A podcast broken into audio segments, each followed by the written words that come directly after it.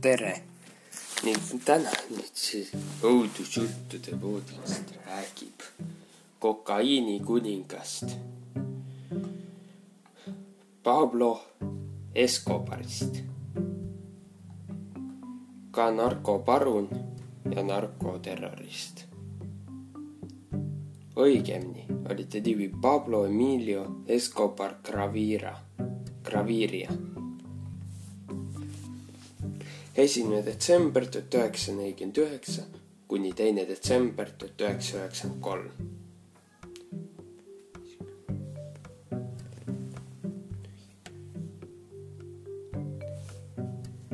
neljakümne nelja aastaseks elas siis.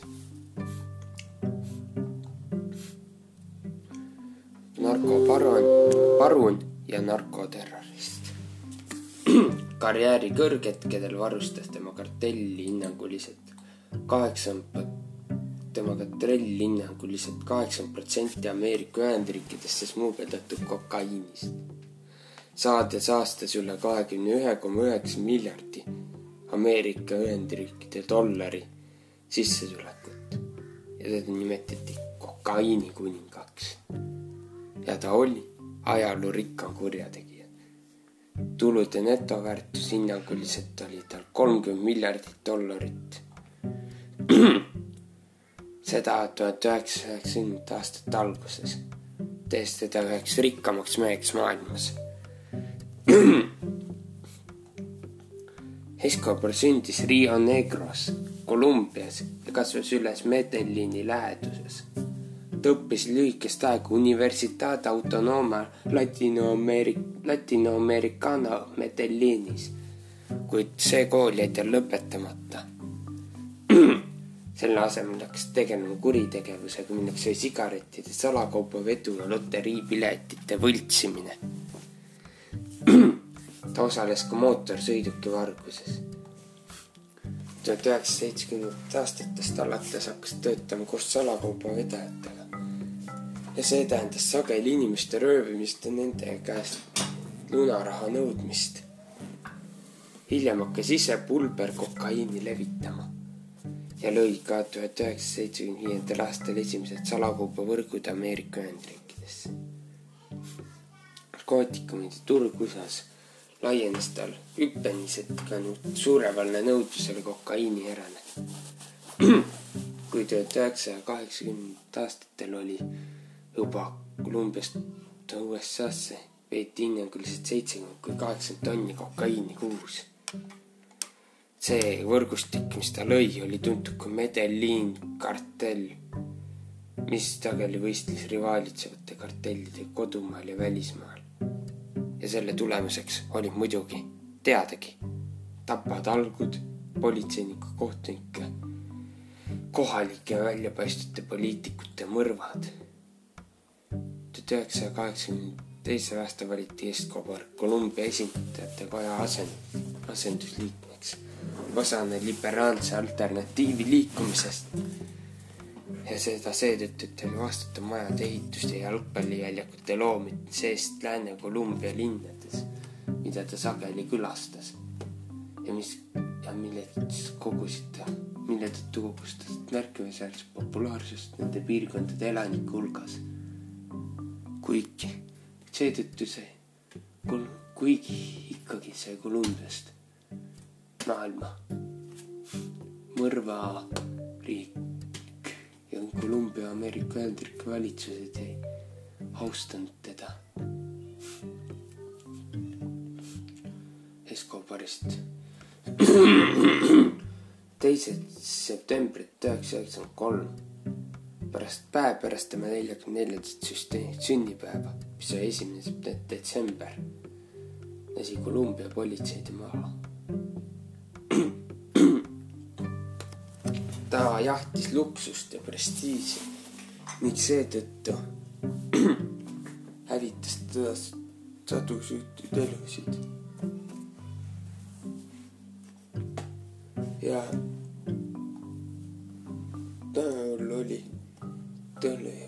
karjääri ajal õnnestus tal teha niimoodi, et ta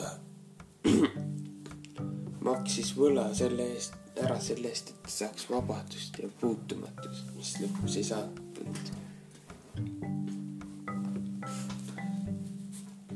kahekümnenda sajandi kuritegeliku maailma sul kohutavamaid esindajaid.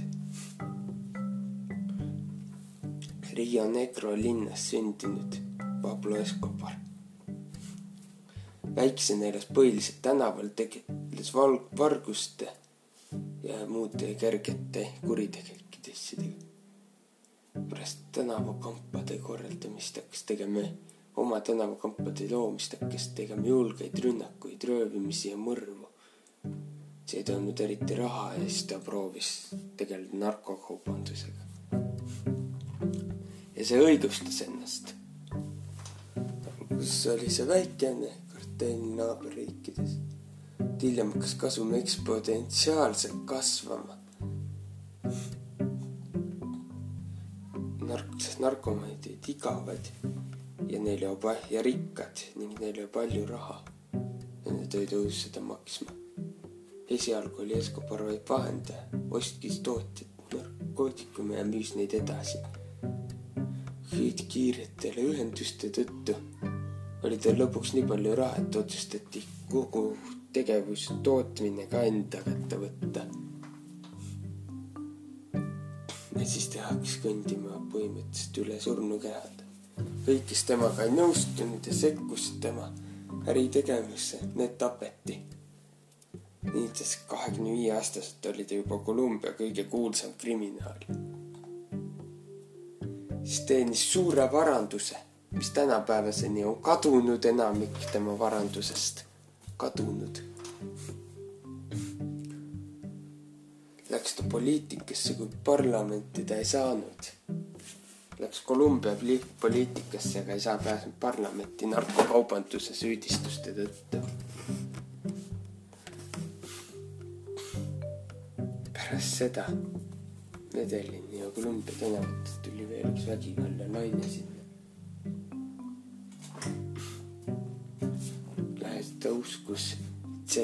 seetõttu, et teda polnud karistatud, ta uskus, et teda pole võimalik karistada, tal on õigus öelda ja teha, mida ta tahab ja keegi ei pea sellest ütlema.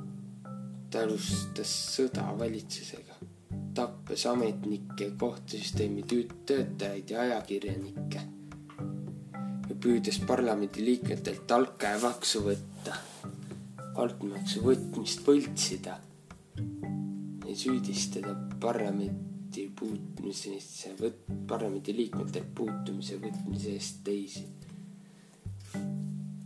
kuid mitte ükski neist ei jõudnud lõpuks kohale sinna, kuhu ta lootis.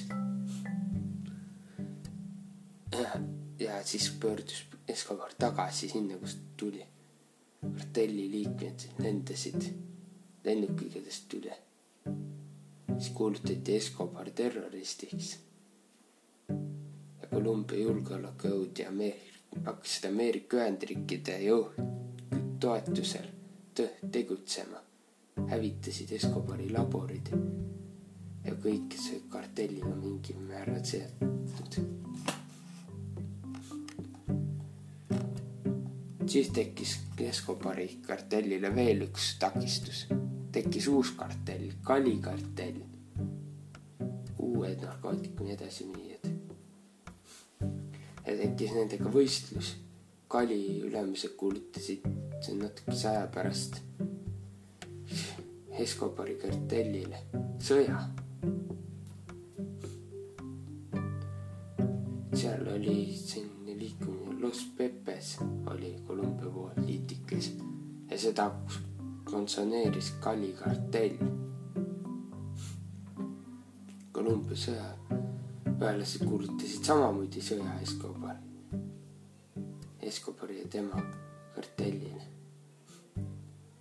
ja siis proovis Escobar leida endale vägisi liitlasi juurde ja uusi viise, kuidas oma vaenlastest lahti saada.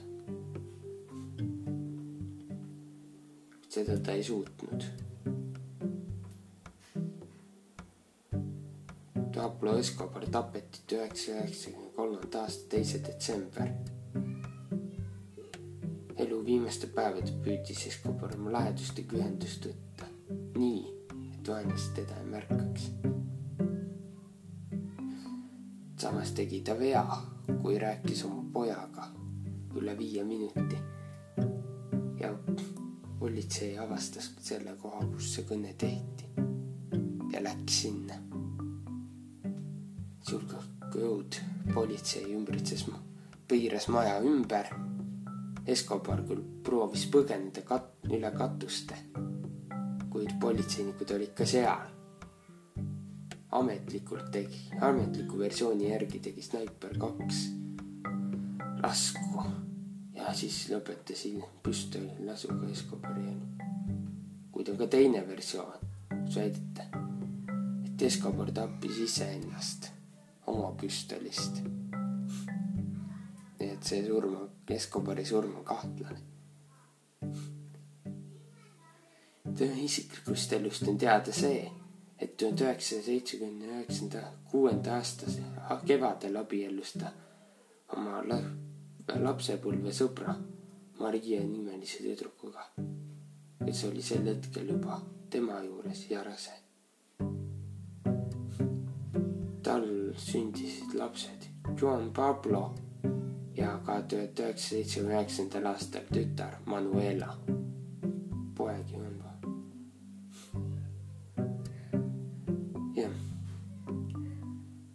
jah, ta tegi seda nagu ikka. ta kaitses väga oma lapsi. nagu, nagu paljud kurjad ikka.